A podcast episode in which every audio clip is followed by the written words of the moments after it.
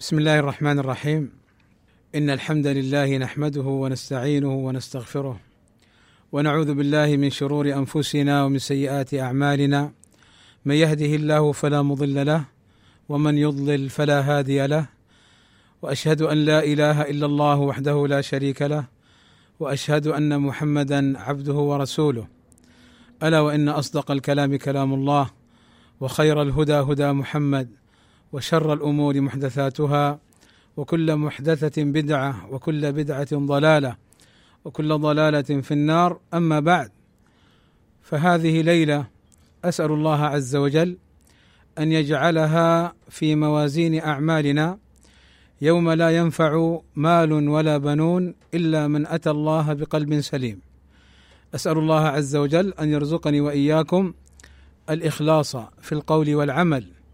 وأن يجعلنا ممن يستمع القول فيتبع أحسنه.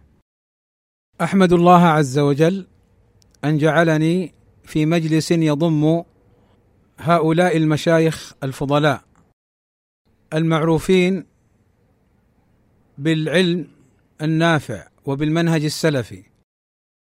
فالشيخ الفاضل رزيق القرشي حفظه الله تعالى من المشايخ المعروفين. بالعلم ومن المشايخ المعروفين بالمنهج السلفي. وما قاله ابتداء هو من باب التواضع فهو بين إخوانه بل طلابه. لكن يجب أن نعلم أن صاحب السنة كبير وإن صغر سنه فالكبر ليس بالسن وإنما يكبر السلفي بسنته. فلا تعلق الحق بالأعمار فتخرب الديار إذا كان أصحاب الأعمار أغمار.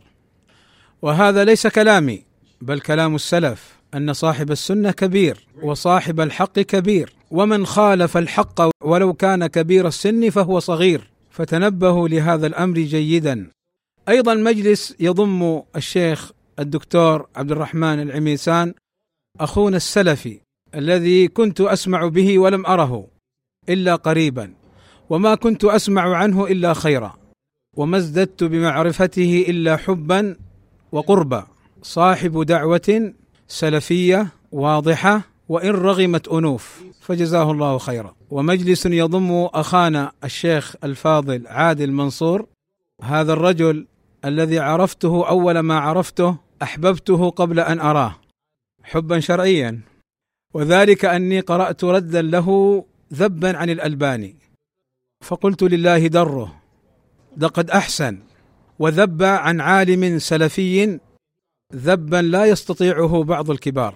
فجزاه الله خيرا. أيضا مجلس يضم أخانا أحمد جيلان حفظه الله تعالى. عرفته قديما وطال البعد عنه واليوم رأيته فسررت. ومجلسا يضم إخواننا السلفيين لمجلس يفرح به القلب. فنسأل الله عز وجل أن يختم لنا جميعا بالسنة. كنت أردت أن أتكلم عن قضية ولكن قلت سيتكلم عنها الشيخ رزيق بمعنى أنني خفت أن لا يتكلم فيها. وقد تكلم. وهي أو الأمر الذي أردت أن أقوله الكلام عن سورة العصر. ولكن أتمم كلامه وأكرره فالمكرر أحلى. طيب. يقول الله عز وجل والعصر. قال العلماء هذا قسم من الله. والله عز وجل يقسم بنفسه وبصفاته. كقوله وعزتي وجلالي. وله سبحانه وتعالى أن يقسم بما شاء. إذ هو الخالق المالك المتصرف في كل الأمور. العظيم. وليس للمخلوق أن يقسم إلا بالله لأنه لا عظيم غيره.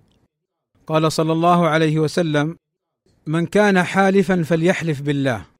ونهى صلى الله عليه وسلم عن الحلف بغير الله عز وجل. الله عز وجل عظيم. فحينما يقسم بأمر يدل على عظمة وخطورة الأمر. فأقسم الله بالعصر. ما المراد بالعصر؟ المراد به الزمن. على قول بعض أهل العلم وقيل المراد به العصر الزمن المعروف. فأقسم الله عز وجل بالعصر دلالة على أهمية الزمان. إن الإنسان لفي خسر. هذا كما قال العلماء هو جواب القسم. إن الإنسان أي كل إنسان في خسارة وندامة لأنه إذا لم يتبع الحق سيندم في الآخرة لأن الدنيا فانية والآخرة باقية. فإما جنة نسأل الله أن نكون من أهلها وإما نار أسأل الله أن لا يجعلنا من أهلها. فالخسارة محققة وعظيمة لمن لم يؤمن بالله عز وجل ولمن لم يتصف بما سيذكره الله عز وجل. فإذا كل إنسان في خسر إلا. السؤال هنا من هم؟ بينهم الله عز وجل في قوله إلا الذين آمنوا وعملوا الصالحات وتواصوا بالحق وتواصوا بالصبر. يا لشأنهم العظيم. وإنما عظم شأنهم لأنهم مع الله لأنهم مع الحق لأنهم ساروا على الصراط المستقيم. الصفة الأولى إلا الذين آمنوا. أي حققوا الإيمان بأركانه وواجباته وشروطه فاتصفوا ومن صفاتهم الإيمان. فالذين آمنوا هم المفلحون قد أفلح المؤمنون. وقال صلى الله عليه وسلم لمن طلب منه أن يوصيه قل آمنت بالله ثم استقم. الإيمان بالله عظيم فأنت تؤمن بأن الله يراك ويعلم بحالك وتؤمن بملائكته. وببقية الأركان المعروفة وتعمل لأن الإيمان يدخل فيه العمل فالعمل الصالح دليل على إيمان صاحبه إلا الذين آمنوا.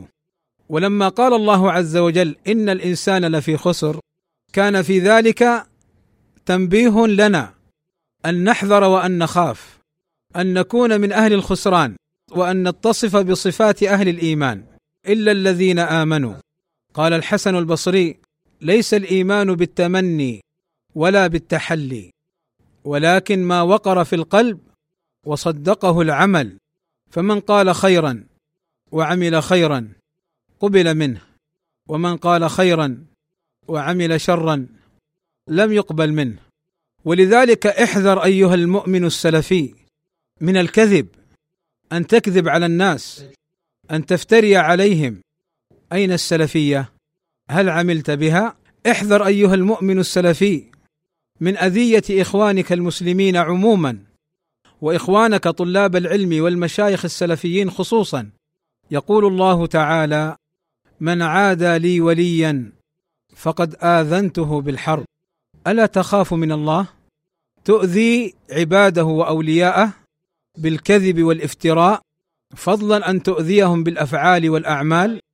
إلا الذين آمنوا. فاحذر أيها المؤمن السلفي من السير في خط يعاكس الخط السلفي. فتحب أهل الباطل وتناصرهم وتنصرهم وتؤذي أهل الحق وتخذلهم. واعلم أن الله عز وجل ناصر عباده. شئت أم أبيت؟ فمهما اجتمع أهل الباطل في أذية أهل الحق فإنهم لا يستطيعون. فهم المنصورون. إما أن ينصرهم الله في الدنيا أو ينصرهم في الآخرة. إنا لننصر رسلنا والذين آمنوا ويوم يقوم الأشهاد. ولذلك تجد السلفي صابر على الحق مهما تكاثرت الفتن والمصائب عليه لأنه على يقين أن الله معه. إلا الذين آمنوا وعملوا الصالحات. الإيمان يوجب العمل. أن تعمل. أن تكون صادقا في كلامك. لا تخدع. أنت إذا خدعت الناس فإنك لا تخدع الله. يا أيها الذين آمنوا اتقوا الله وكونوا مع الصادقين. احذر أيها السلفي. أن تتظاهر بأمر خلاف ما تعتقده. خداعا ولعبا. فإن الله يعلم ما في باطنك. يعلم خائنة الأعين وما تخفي الصدور إلا الذين آمنوا وعملوا الصالحات. العمل الصالح أن تتبع سنة النبي صلى الله عليه وسلم على ما كان عليه أصحابه الكرام. ومعلوم عند الجميع أن الفرقة الناجية والطائفة المنصورة هم من كانوا على مثل ما كان عليه النبي صلى الله عليه وسلم وأصحابه. إلا الذين آمنوا وعملوا الصالحات. لما ذكر الله عز وجل العمل الصالح كان هذا موجبا لنا أن نتعلم فالعلم قبل القول والعمل. فاعلم أنه لا إله إلا الله واستغفر لذنبك. ولذلك نرى من بعض من يدخل السلفية ممن كان سابقا على منهج مخالف نرى افعالا سيئة واقوالا قبيحة لا تليق بالسلفي. فالسلفية منها براء وإنما هذا ما كان يفعله سابقا ولم يطهر نفسه بالعلم الصحيح النافع. ومن هنا دخل في السلفية الدخلاء. تصدروا فظنوا أنفسهم هم العلماء ولكن سنة الله باقية. فالحق منصور منصور منصور. إلا الذين آمنوا وعملوا الصالحات وتواصوا بالحق وتواصوا بالصبر. يتواصون على الحق فيوصي بعضهم بعضا. يتناصحون يتذاكرون يفيد بعضهم بعضا يتواصون على الحق على معرفته ونصرته لا يتواصون على باطل لا يتواصون على أذية سلفي على كذب وخداع على اجتماعات سرية خفية في ظلمة كالفئران لأن صاحب الحق في العلن واضح. قال عمر بن عبد العزيز ما اجتمع قوم في خفاء إلا كانوا على تأسيس ضلالة. فالحذر الحذر من هذه الأفعال. إذا كنت تريد التواصي على الحق فالحق واضح ظاهر.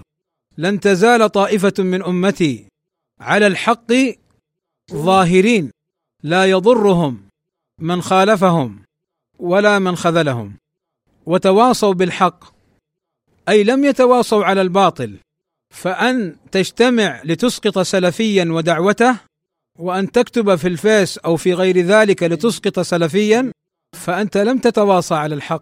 إلا الذين آمنوا وعملوا الصالحات وتواصوا بالحق. التواصي أيضا بالحق. لاحظ أن الله عز وجل أثنى عليهم ووصفهم بأنهم يتواصون على الحق على الحجة على الدليل على البرهان لا على الأشخاص. ولذلك القاعدة السلفية اعرف الحق تعرف أهله. قاعدة السلفية أيضا الحق لا يعلق بالأشخاص إلا ما كان عليه النبي صلى الله عليه وسلم وأصحابه. لماذا؟ لماذا؟ لأن الحي لا تؤمن عليه الفتنة كما قال ابن مسعود رضي الله عنه من كان مستنا مقتديا فليستن بمن قد مات. أي أصحاب النبي صلى الله عليه وسلم. فإن الحي لا تؤمن عليه الفتنة. الحي ما قال صغيرا أو كبيرا. لماذا؟ لأن الحق ثابت وصاحبه كبير. ولا يضر الحق مخالفة من خالفه.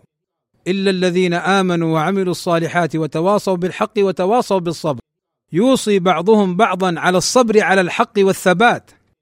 كما مر معنا في قول النبي صلى الله عليه وسلم حين أوصى قل آمنت بالله ثم استقم. ونحن نسأل الله في الصلاة في كل ركعة فرضا أو تطوعا أن يهدينا الصراط المستقيم. اهدنا الصراط المستقيم. صراط الذين أنعمت عليهم ما كان عليه النبي صلى الله عليه وسلم وأصحابه غير طريقين. أن ينجينا من طريقين أن يسلمنا من طريقين. طريق من عرف الحق وخالفه وهم اليهود فهم مغضوب عليهم. وطريق من عمل بلا علم فضل الطريق كالصوفية وغيرهم وهم النصارى. اهدنا الصراط المستقيم. ليس فيه اعوجاج. ولذلك لا تلعب يا عبد الله بدينك. تواصوا بالحق وتواصوا بالصبر. ونحن نحتاج إلى الصبر. الصبر قبل العبادة. وصبر أثناءها. وصبر بعدها. صبر على الطاعة. وصبر عن المعصية. وصبر على أقدار الله عز وجل. والصبر أن تلزم الحق ولا تنحرف عنه. سورة عظيمة. فيها الحجة لله على خلقه كما قال الشافعي رحمه الله تعالى أن هذه السورة سورة عظيمة فيها الحجج الواضحة في معنى كلام الشافعي وقد وقفنا على بعض الفوائد من هذه السورة.